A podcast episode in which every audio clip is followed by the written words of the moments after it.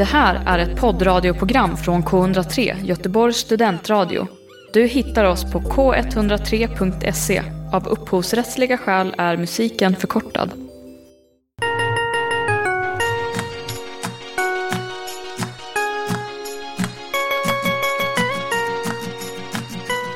Hej och välkomna kära lyssnare. Det här är tagning 103 och det är K103s film och serieprogram.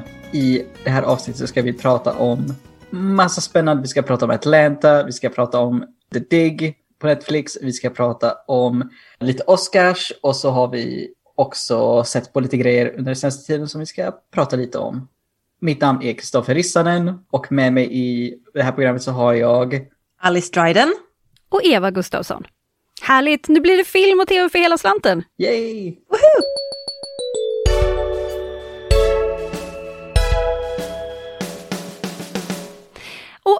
Har då vi tittat på denna gång sedan vi träffades senast i vårt härliga poddprogram? Vad har du tittat på, Alice? Så jag har tittat på bland annat The Trial of the Chicago Seven som är Oscarsnominerad.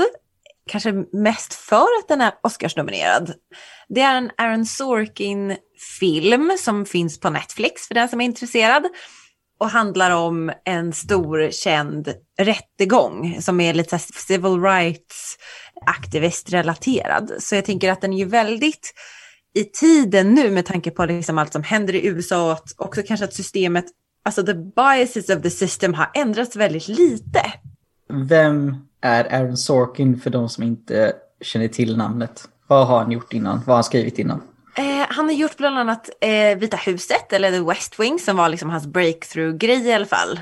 Han har gjort en av mina favoriter, Studio 60 on the Sunset Strip, som är lite så här uh, Saturday Night Live-vibe. The Han- Newsroom. Ja, han har gjort The Newsroom och där märker man ju också just det här med att han gillar ju tv-produktion väldigt mycket, alltså arbetet bakom och han jobbar ju också väldigt mycket med nyhetsrapportering. Vad händer i världen? Han vill ju vara en medveten person som har koll på vad som händer. Jag älskade Newsroom just också för att den, så det kändes som att den nästan i realtid speglade nyhetsrapportering och att de jobbade så snabbt i liksom, produktionen tätt inpå när saker hade hänt. Och där funkade det väldigt bra. Men frågan är, hur länge kan man upprepa saker innan det blir gjort, gjort, gjort? Han har ju också skrivit manuset till eh, David Finchers The Social Network. Facebook-filmen kan man väl kalla den. Den är ju jättebra den. Jag var en stark Aaron Sorkin-anhängare för kanske 5-10 år sedan, men är inte det riktigt längre. Så jag vet inte riktigt vad jag tycker om The Trial of the Chicago Seven. Vad har fått dig att tappa Aaron och kontakten?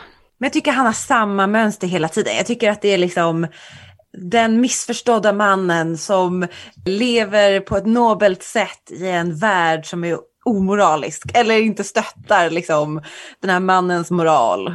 Typ. Alltså något som Aaron Sorkin är väldigt känd för är ju sina rappa dialoger, så här walk and talk. Liksom att det var han som kanske myntade det lite grann, att det är så här people walking down quickly uh, through a hallway och som så här the banter is real.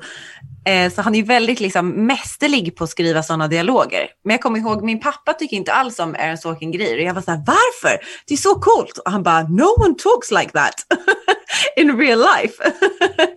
och jag vet inte riktigt, det är hans version. Men ja, vad säger du Eva? Ja, jag känner också att när någon faktiskt på riktigt pratar så, då känner jag att, åh gud, nu ska jag vara tyst, för jag har verkligen ingenting att lägga i den här diskussionen, för jag kan inte så mycket om världspolitik och att man får lite mindre världskomplex. Ja, men lite så. Det är lite som Gilmore Girls som ni sett den. Att det är så här, Lorelai kan ju också verkligen så här prata i så här sjuk takt.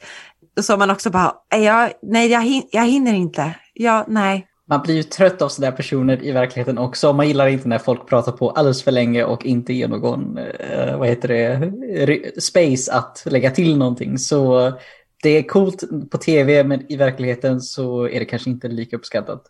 Men du, har du sett den här Love and Monsters då Alice? Ja, så det är det andra som jag har tittat på och, och undrar om vi kanske ska recensera den i ett kommande program. För jag tyckte verkligen att den var jättebra. Den överraskade mig. Den ligger också på Netflix, är en Netflix original. Jag, jag blev så positivt överraskad. Den hade mycket roligare humor än vad jag trodde att den skulle ha. Den hade ganska bra monster action. Det är lite så här post-apocalypse film. det kom en meteor och för att, liksom, att alla inte skulle dö av meteoren så sköt alla upp så här atombomber till meteoren. Men sen så regnade det ner chemicals från våra egna vapen som poisoned, alltså ni hör, den är ju liksom... Det hade de väl kunnat kul. räknat ut eller? Vad sa du? Det hade de väl kunnat räkna ut att det inte var en jättebra idé, men det kanske var, det var den enda möjligheten vi hade. It was our only shot. Så nu mm. har liksom alla så här sniglar, insekter, krabbor, alla har blivit så här 5000 gånger större och jättedödliga. Så det är liksom humanity versus slugs typ. Men då får jag gå in och se på den, den finns på Netflix och så får vi helt enkelt recensera den nästa avsnitt. Ja, vad har ni sett på? Alltså jag har ju kollat en helt annan genre. Jag har tittat på svensk musikhistoria från eh, 70-tal kanske. Så det är en helt annan vibe känner jag i min skärm och i min soffa. För det var jag... verkligen ett, så här, ett skifte, det var inte så Aaron Sorkin-igt. nej, nej, det är det verkligen inte. Och absolut all aktning till de som har gjort de här dokumentärerna, men det är heller inte riktigt att det är gjort på det samma rappa sättet och snabba dokumentärklipp och sådär, utan det är ganska långsamt och man märker att jag kan börja med att prata om att jag sett en dokumentärfilm och den har någon gjort, tror jag, på grund av kärleken till den här artisten som det handlar om. Eh, och det kanske inte är för att man är en liksom, eh, mångårig erfaren dokumentärfilmare. Ja, så på det sättet. Den filmen heter Livet är ju som det är och handlar om Alf Robertsson, en svensk musiker, numera bortgången sedan ett antal år, men som ju var stor på 70, 80, 90-talet och var liksom den här folkhems mannen som folk lyssnade på. Min pappa lyssnade jättemycket på Alf Robertson när jag var liten till exempel. Jag har hört hans låtar gång efter gång efter gång så. Men han har ju heller aldrig varit en så här megaartist, utan han har liksom varit den här folkhemspersonen och han, eh, han är känd för att han till exempel spelade jättemycket på ålderdomshem för att han bara så här, de gamla måste också få någonting tillbaka, de har jobbat för oss hela livet. Liksom. Men så handlar det om Alf Robertsons liv och han var ju liksom mannen som tog countryn på svenska på väldigt stort allvar. Han översatte jättemycket musik av till exempel Chris Christofferson. Han gjorde en sväng till USA, det funkade inte jättebra, det var svårt sådär. Eh, men han gjorde ju väldigt mycket country på svenska och eh, hade ett ett ganska hårt liv eh, och gick ur tiden lite i förtid så dessutom. Så den kan jag rekommendera, den finns på SVT Play. Många roliga och intressanta intervjuer där man pratar med till exempel andra musiker, kollegor, men även fans som gillar honom väldigt mycket. Till exempel Ina Lundström här från Göteborg, superstort Alf Robertsson-fan. Så att, eh, ja, det var lite charmigt. Jag tipsade mina föräldrar, de hade redan sett den självklart. I mina föräldrars fortsatta anda så har jag också tittat på tv-serien som handlar om den svenska dansbandshistorien. Det här är musik som jag själv inte lyssnar på egentligen aktivt, men jag har hört det genom hela mitt liv. Jag kan väldigt mycket om det, för det har alltid funnits där i bakgrunden. Och jag tycker ändå att det är kul med musikhistoria. Jag har blivit mer och mer intresserad av musikhistoria ur ett historiskt perspektiv och liksom hur det hänger ihop med både samtiden den har funnits i, men också hur det har påverkat annan musik runt omkring. Så även om det inte är min genre, så är det ändå intressant. Så nu har jag, kommit, jag har kommit ungefär halvvägs, sett några avsnitt så. Finns också på SVT Play, men håller på att försvinna därifrån, så vill man se det så får man vara jävligt snabb.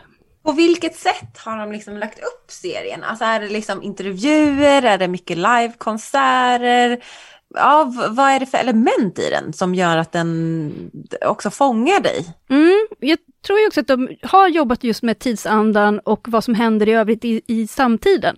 För de pratar mycket om hur dansbandshistorien har till och från nästan dött ut. För första avsnittet börjar med 70-talet när, när det går från att vara 60-talspoppen som ju ändå är jättestor med Beatles och eh, Tages och svenska popband så, hur, och hur de sen blir att alla folkparker i Sverige gör att folk, folknöjet är att gå ut och dansa. Det är så här, average svensk gick ut och dansade två, tre gånger i veckan på 70-talet. Och att det var det man gjorde. Alla gick till folkparken. Det var där man dansade, hånglade, söp. Alltså det, det var det man gjorde. Eh, och därför fanns det supermycket dansorkestrar som spelade, alltså vi skulle kunna kalla det för covers, men att man gjorde svenska varianter av kända låtar. Liksom. Men hur det sen gick vidare in att, eh, sent 70-tal och tidigt 80-tal, då kom ju diskon. Och då började folk spela skivor och då höll dansbanden på att dö ut, för då ville ingen boka ett band längre. Man satt ju bara på en skiva liksom. Så just hur olika musikgenrer har påverkat historien på det sättet. Gud vad spännande det låter när du förklarar det så här. Jag kanske inte hade sett om det var så här, ah, vill du se en dansbandsdokumentär? Då hade jag kanske bara, nah. Just det här, så här kulturfenomenet eh, och hur, man, hur det hängde ihop med ens livsstil och hur folk brukade röra sig. Alltså att det verkligen var integrerat med vilka vi var, kanske vår självbild på något sätt också. Mm. Hur vi umgicks. Ja, verkligen. Och så, det är ju mycket mera prat om musik än det är att man sitter och lyssnar på musik. Det är det definitivt. Så att eh, även om man inte gillar musiken så kommer man ta sig igenom det här hur lätt som helst. Man får lära sig hur eh, svenska dansband började stava med Z, varför? Och också varför de har så spännande kläder. Eller åtminstone hade förr i tiden, idag har de rätt average kläder. Liksom. Love it, för det är verkligen, varför heter de typ Lasse Stefans? Gud vad spännande, ni kanske får titta på det här, SVT Play. Jajamän. Kristoffer, vad har du tittat på?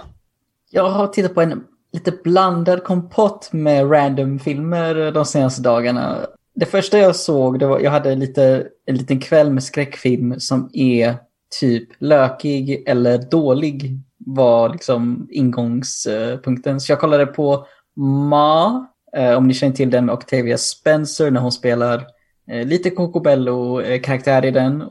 Den, den, var, den spårar ju ur eh, ganska grovt, men den var ändå underhållande. Alltså, man är inte uttråkad när man sitter och kollar på den. Liksom. Den har några okej okay stunder så. Och sen kollade jag samma kväll kollade jag på en mycket inkompetent eh, film som heter Wish Upon som kom ut 2017. Ma tror jag kom ut 2019 för övrigt.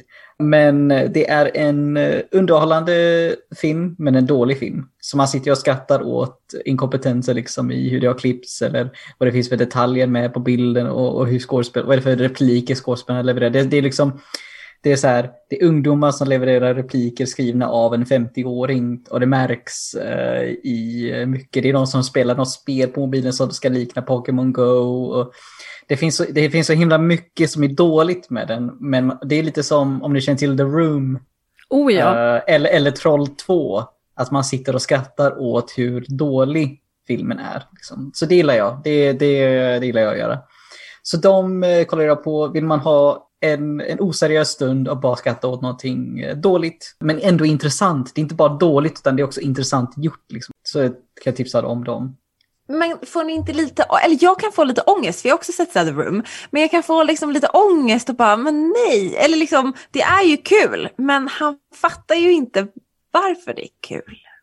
Eller man skrattar ju verkligen åt någon annan, eller jag vet inte, det kan ju vara, är det en smaksak? Eller jag, jag vet inte vad jag vill säga med det här mer än att ibland kan jag få lite ångest över sådana filmer. Jag kan ju få snarare ångest för min egen del för att jag känner att jag har inte tid att se massa dåliga saker, så jag blir lite besviken. Jag försöker ändå välja ganska selektivt vad jag ska titta på, vad ska jag lägga min tid på. Mm. Den är så begränsad, för det är så mycket jag vill se.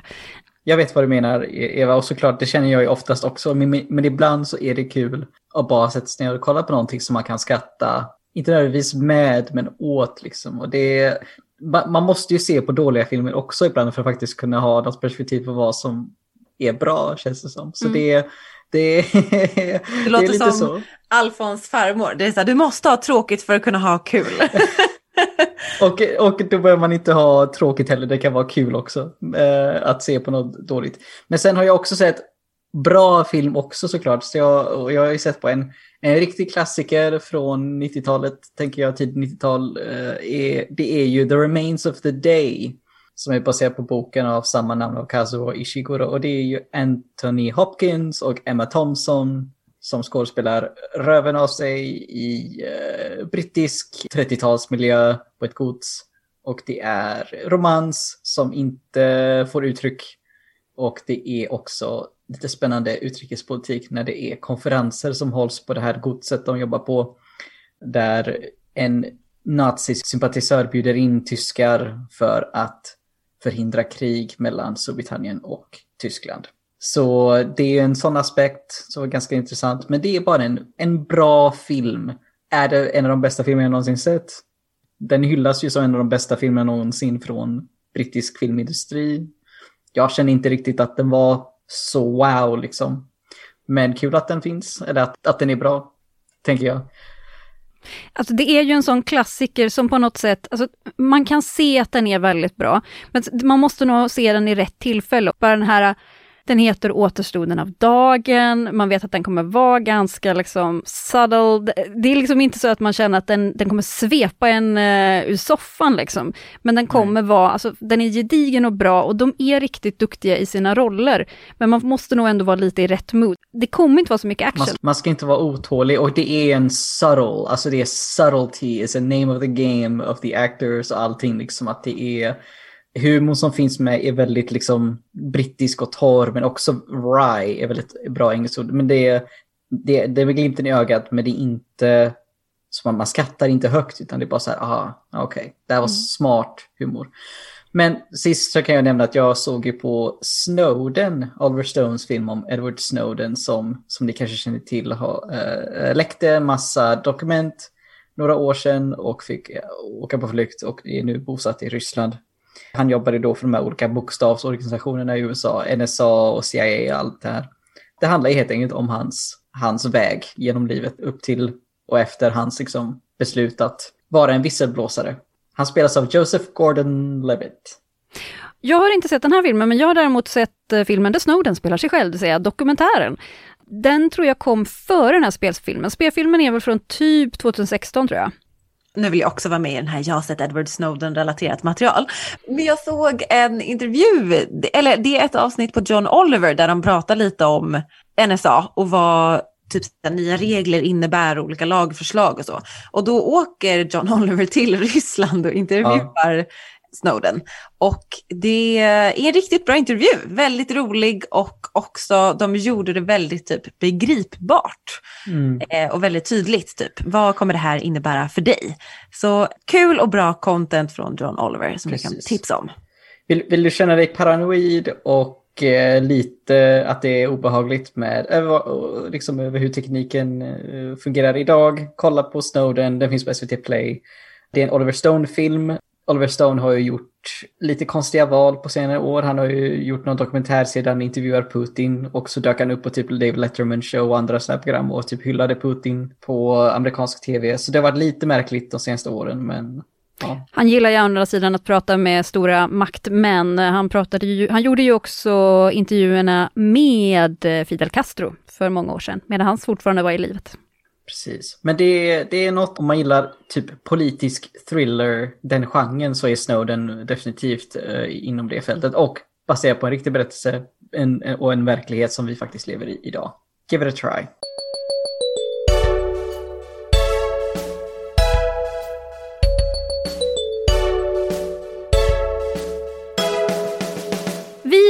Brukar ju inte hävda på något sätt att vi är först på bollen i tagning 103. Eh, vi är varken stressade över att se alltid det senaste eller så himla sådär pretentiösa över att vi har sett allt det största eller you know, the greatest på det sättet. Men no. Eh, så därför tänkte vi prata om en serie som kom 2016, idag 2021. Yeah! Vi har alla åtminstone sett de första avsnitten av Atlanta. Jag har sett hela första säsongen, Kristoffer har sett hela första och andra, det vill säga allt som just nu finns utgivet. Men det ska ju komma mer. När jag började se Atlanta så kände jag lite grann att det här var en serie som jag inte tycker att man har pratat så mycket om här i Sverige. Kanske är det bara jag som har levt under en sten, vad vet jag. Självklart hörde man mycket om att Atlanta skapats och även huvudrollas av eh, Donald Glover, som ju är lika känd som att vara skådespelare som att vara Childish Gambino, musikern. Jag blev ganska tagen av den här serien för att den var lite annorlunda. Jag visste inte så mycket om vad den skulle handla om. Och jag, eh, det tog ett tag innan jag började komma in i den också så här. Vart är vi på väg med den här resan? Vad är det för berättelse som man, som man får berättat? Och om vi hjälps åt lite och berättar lite vad det är vi ser, så som jag uppfattar det så följer vi ju framförallt karaktären Ernest Mark, Ern. Han är en ung kille med musikermanager eller musikerambitioner. Men samtidigt lite sådär, ah, vad vill han egentligen göra? Han eh, känner att mycket är ganska hopplöst och han eh, liksom vet inte vad han ska göra. Han har ju hoppat av college och vi vet inte riktigt varför. Och det har varit liksom, det är ett bra college. Han har haft liksom a way forward. Men sen har någonting gjort att han inte liksom han gick aldrig klart sin utbildning. Han har varit tillsammans med sitt ex som heter Vanessa, eller Van, och de har en dotter tillsammans. Och de bor i Atlanta, det är väldigt liksom fattigt och Ern har ganska dåligt, eller ja, han, han har det väldigt dåligt ställt ekonomiskt. Så han tar kontakt med sin kusin Alfred, eller Al, som håller på att liksom slå igenom som rapmusiker. Så det är väl lite där historien börjar. Mm. Och man märker att Ern han flyter runt lite, så han har typ ett litet jobb där han eh, jobbar som försäljare på en flygplats och ska sälja typ abonnemang av något slag. Han har egentligen ingenstans att bo, hans föräldrar är ganska trött på honom, de är såhär bara, när ska du skärpa dig, du hade din chans, vad gör du? Han bor typ hemma hos sitt ex, För att han är ju så här, de har ju också ett barn ihop, han ska typ vara farsa, men hur mycket farsa är han egentligen? Liksom, hur mycket ansvar tar han egentligen? Och hans eh, kusin Alfred, ja, han håller på att starta en musikkarriär, men de dealar ju också samtidigt knark samtidigt. Liksom. Där i den här trion finns också den fascinerande, väldigt roliga, väldigt filosofiska Darius, eh, som spelas av Lakeith Stanfield, som vi ju sett till exempel i Get Out. Vi får följa dem på deras resa. De gör olika saker. Avsnitten är väldigt episodfokuserade. Så det kan vara så här, det här avsnittet fokuserar helt på det här. Och det här avsnittet kan ha den här karaktären i huvudrollen medan nästa avsnitt har en helt annat fokus. Och att det känns som, ju mer jag ser serien så märker jag att deras historier känns inte alltid som den huvudberättelse som vi följer, utan att det snarare handlar väldigt mycket om afroamerikaners situation i USA och olika orättvisor och hur det faktiskt är i samhället. Deras historier är egentligen lite sekundära. Jag, jag håller helt med att det är väldigt liksom hur kanske ser systemet ut. För jag tänker också många här i Sverige man läser på, man försöker vara insatt, man kanske försöker vara insatt i amerikansk politik, särskilt eh, med valet förra året och sen hela Black Lives Matters, att det, man försöker sätta sig in i saker men man vet ju väldigt lite om hur det faktiskt är att dels bo i USA och dels bo i USA under de förhållanden som faktiskt finns där och som jag tänker eh, Atlanta är väldigt bra på att lyfta fram och skildra en verklighet där så här är det, eh, varken mer eller mindre på något sätt, att det inte, det är jävligt tungt. Men det är också så här, ja, så, så är det det jag menar när jag säger att och så är det, det är att många serier är så här, när de skildrar en verklighet av personer som lever kanske i fattigdom eller ekonomisk utsatthet, att det är väldigt misärigt och martyrigt och att det är väldigt så här, det är synd om de här personerna. Ja, det, blir, det, blir, det kan ofta bli ganska skevt, att man bara, det här är ett konstigt liksom, helikopterperspektiv på ekonomisk utsatthet. Men det jag tycker att den här serien gör väldigt bra är att det är, det är inget knussel, det är inte så martyrskap, utan det visar bara så här lever de här personerna. Det skildrar en, en verklighet och det, det känns som man är med karaktärerna där och, och då liksom man, man är med dem på ett annat sätt. Bara på grund av hur det har filmats och hur de porträtteras. Alltså det här är en verklighet, folk lever så här. Och people are just struggling to make it. Liksom. Alla, alla försöker bara ta sig framåt i livet. Liksom och förhoppningsvis skapa ett bättre liv för sina barn, eller vad man ska säga, för sin familj. Det märker man ju också på Ern, att uh, han... Uh, för jag tycker det är väldigt svårt att få något grepp om Ern uh, eh, helt och hållet. Så vad driver honom, vad är, eller vad är det som inte driver honom? För han kan ibland kännas ganska slö, eller nästan lite lat. Men man får ju också en bild av att han är, han är väldigt smart. Han är väldigt medveten om situationen, förutsättningar och också vilka hinder som finns i hans väg, som han inte kan rå på. Han kan inte på något sätt förändra det faktum att han är afroamerikan. Han kan liksom inte ta bort de fördomar han möter. Och frågan är, orkar han kämpa mot det här? Kommer all den kamp han har lagt ner egentligen resultera i någonting? Då kanske det nästan är enklare att bara sitta hemma och röka gräs idag istället eh, för att försöka lösa den här situationen.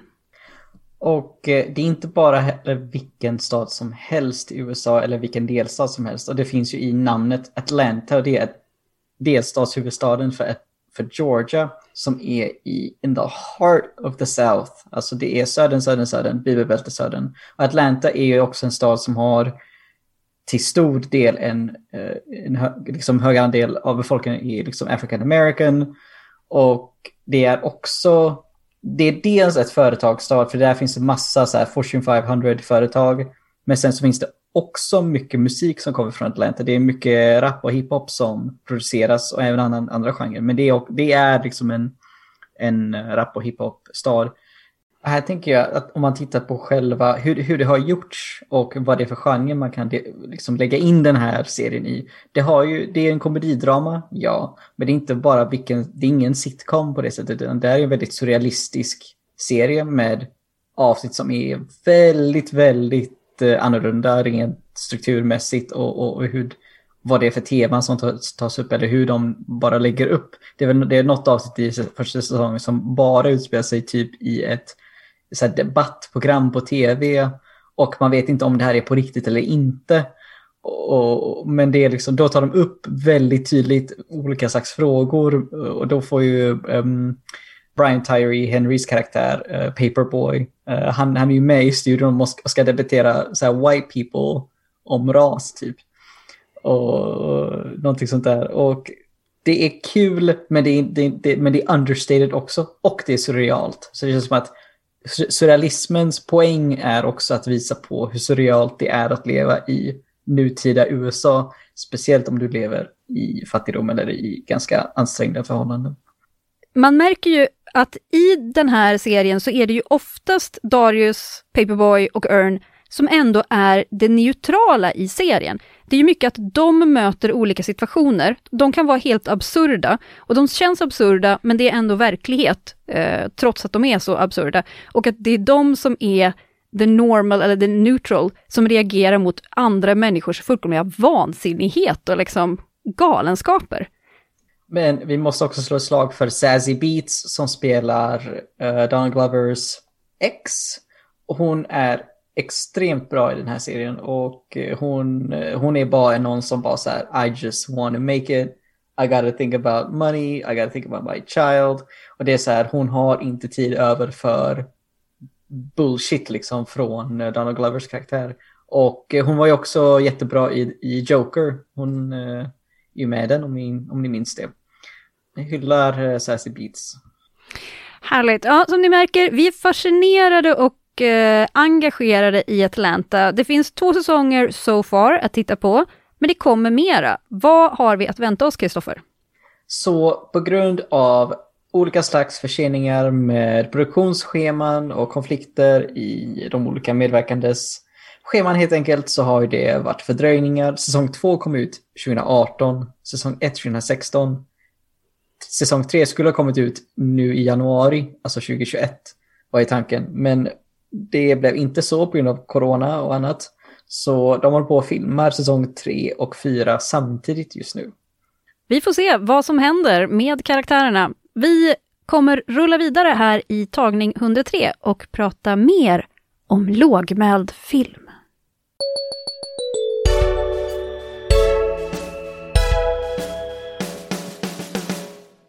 Kristoffer pratade ju tidigare om Återstoden av dagen, en film som kanske i mångas ögon kan ses som ganska långsam, men ändå är ansedd att vara ett riktigt mästerverk. Och jag tycker att The Dig passar in i den eh, kategorin. Den är riktigt långsam, men den är ändå väldigt bra. Alice, vill du ge oss lite en synopsis på vad The Dig är? Ja, långsam, mys, 30-tal, engelsk landsbygd low-key dramatisk också. Det, det, handlar om en arkeologisk utgrävning på landsbygden i England. Så det, the drama is drama, men också i den kontexten. och det är då en Netflix original som utspelar sig precis innan andra världskriget. Hur såg det ut på engelska landsbygden när man kanske började fatta att det var ett krig som nalkades? Men ja, så det handlar då om Edith Pretty, spelad av Carrie Mulligan, this genius of a woman. Och Edith Pretty lever på landsbygden och hon är änka, vilket gör att hon äger marken som hon lever på. Och hon har ganska mycket mark och ett väldigt tjusigt hus och hon har även tjänstefolk som jobbar, en typ en butler och liksom en eh, housekeeper som också hjälper henne klä på sig och så. Så hon har det ganska väl ställt och gör att det var inte många kvinnor på 30-talet i England som ägde sin egen mark. Så hon har ju en ganska unik position. Och på Ediths mark så finns det tre stora högar. Hmm, undrar ni nu. Okej, okay, jag vill veta mer. Och det vill Edith också. Hon vill veta vad är det här för högar? Hon drömmer om dem, hon har tänkt jättelänge att hon vill veta vad det här är för högar. Så hon anställer en hobbyarkeolog som egentligen är liksom en riktig arkeolog men saknar utbildning för att gräva upp de här högarna. Och han heter Basil Brown. Och Basil Brown spelas av, och jag vet inte hur hans namn uttalas, Ralph Fiennes, Rafe Fiennes. Vi vet vem du menar, det är ja. Voldemort. Basil Brown and Voldemort is the same person, believe it or not. Basil Brown, alltså ni hör ju på namnet, han är ju väldigt älskvärd. Han är väldigt egen, han älskar arkeologi, han har liksom jättemycket kunskap och han kan supermycket. Men han har inte alltså en formell utbildning, så han, han är liksom lite underdog och blir ganska liksom cheatad på mycket i livet. Alltså han får inte så mycket recognition som han förtjänar av till exempel det lokala museet som han har gjort mycket utgrävningar för och så. Här finns ju också en väldigt stort klassperspektiv. Han är en arbetarman, han kommer inte från en finare familj, han har inte den liksom, ansedda utbildningen, men framförallt just att han har en lägre status och att det här var väldigt tydligt i liksom, Englands 30-tal. Vem som får, får ta plats och få höras och synas. Verkligen. Och det är ju kanske på något sätt liksom eh, temat, eller del i temat, att det är just den här plotten är den här arkeologi, liksom utgrävningen. Temana kanske är lite mer så här jämställdhet, hur ser det ut för kvinnor? Tar folk Edith på allvar? Ja, mer än om man kanske hade varit en kvinna som inte ägde mark. Eh, så det är både liksom jämställdhet och liksom klassamhället som kanske tar ganska stor plats temamässigt i filmen och själva dramat i filmen, eller konflikten i filmen, är ju liksom att det lokala museet får liksom sniff på att det här händer, den här utgrävningen på Ediths mark och de vill ta den ifrån henne och Basil. Och sen kommer också Ediths kusin och hjälper till att gräva lite grann och det kommer fler fler arkeologer och hjälper till att gräva ut. Så de blir liksom ett litet team där som gräver ut de här högarna. Mm. Eh, och det är händelsen.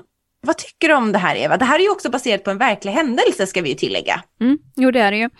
Jag gillar den här för att den skildrar en vänskap på ett väldigt fint sätt tycker jag.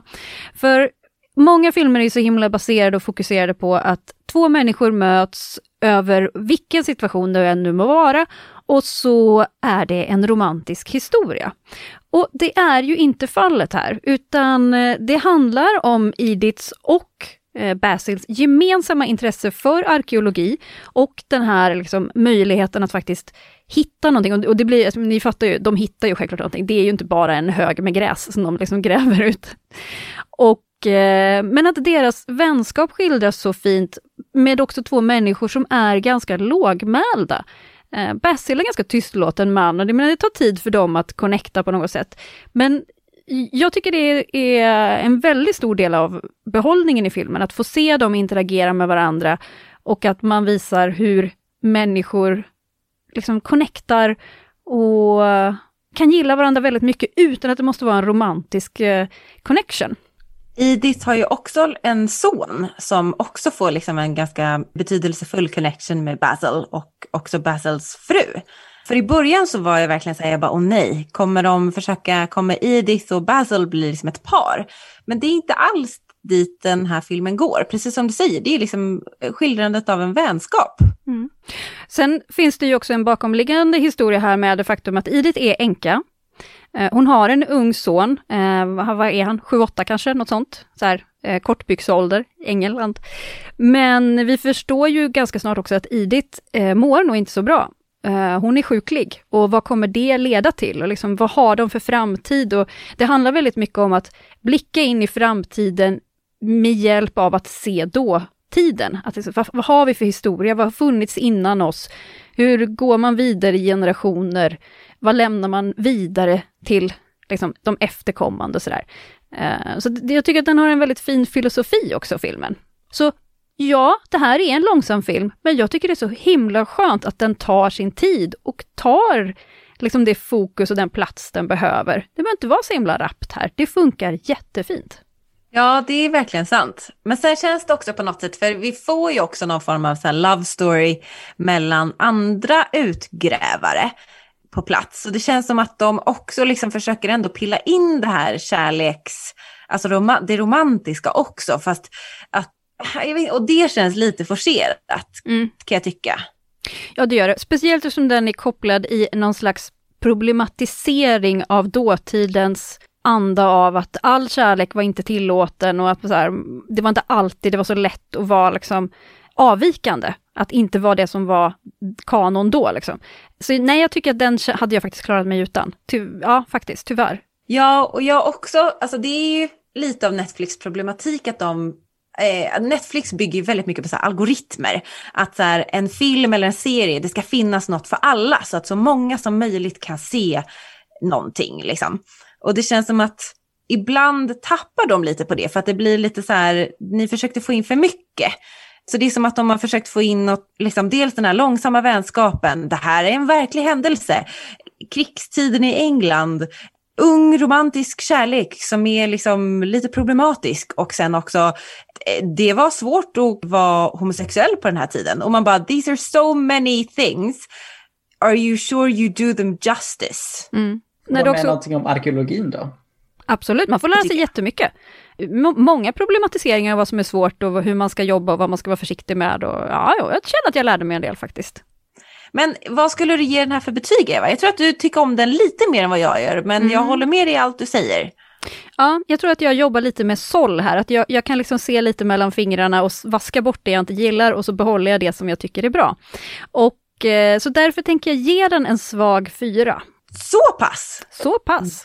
Ja, okej. Okay. Nej men, härligt. Det, nu lät jag jättechockad. Ja men det, det är en fin film. Och Carey Mulligan och Ralph Fiennes, som jag tror att han heter, gör en väldigt fin insats, verkligen. And Johnny Flynn is always nice to look at, so I mean, go ahead people. Där har ni. Ni får lita på antingen mig eller på Alice. Ni hör att Alice ligger lite lägre i gradsystemet, men det är the dig för er.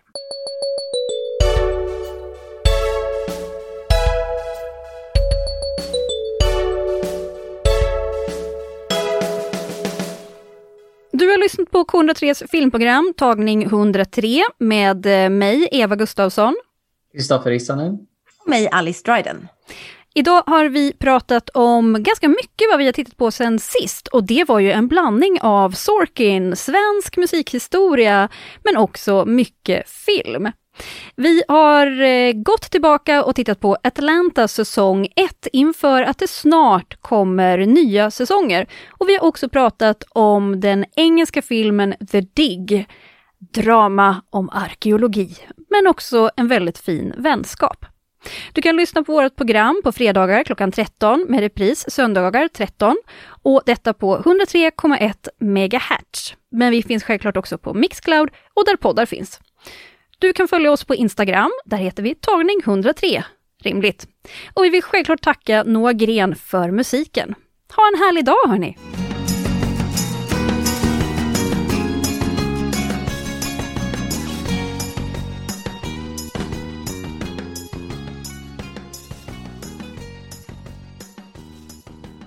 Du har hört en poddradioversion av ett program från K103. Alla våra program hittar du på k103.se Följ oss gärna på Facebook eller på Instagram. Vi hörs!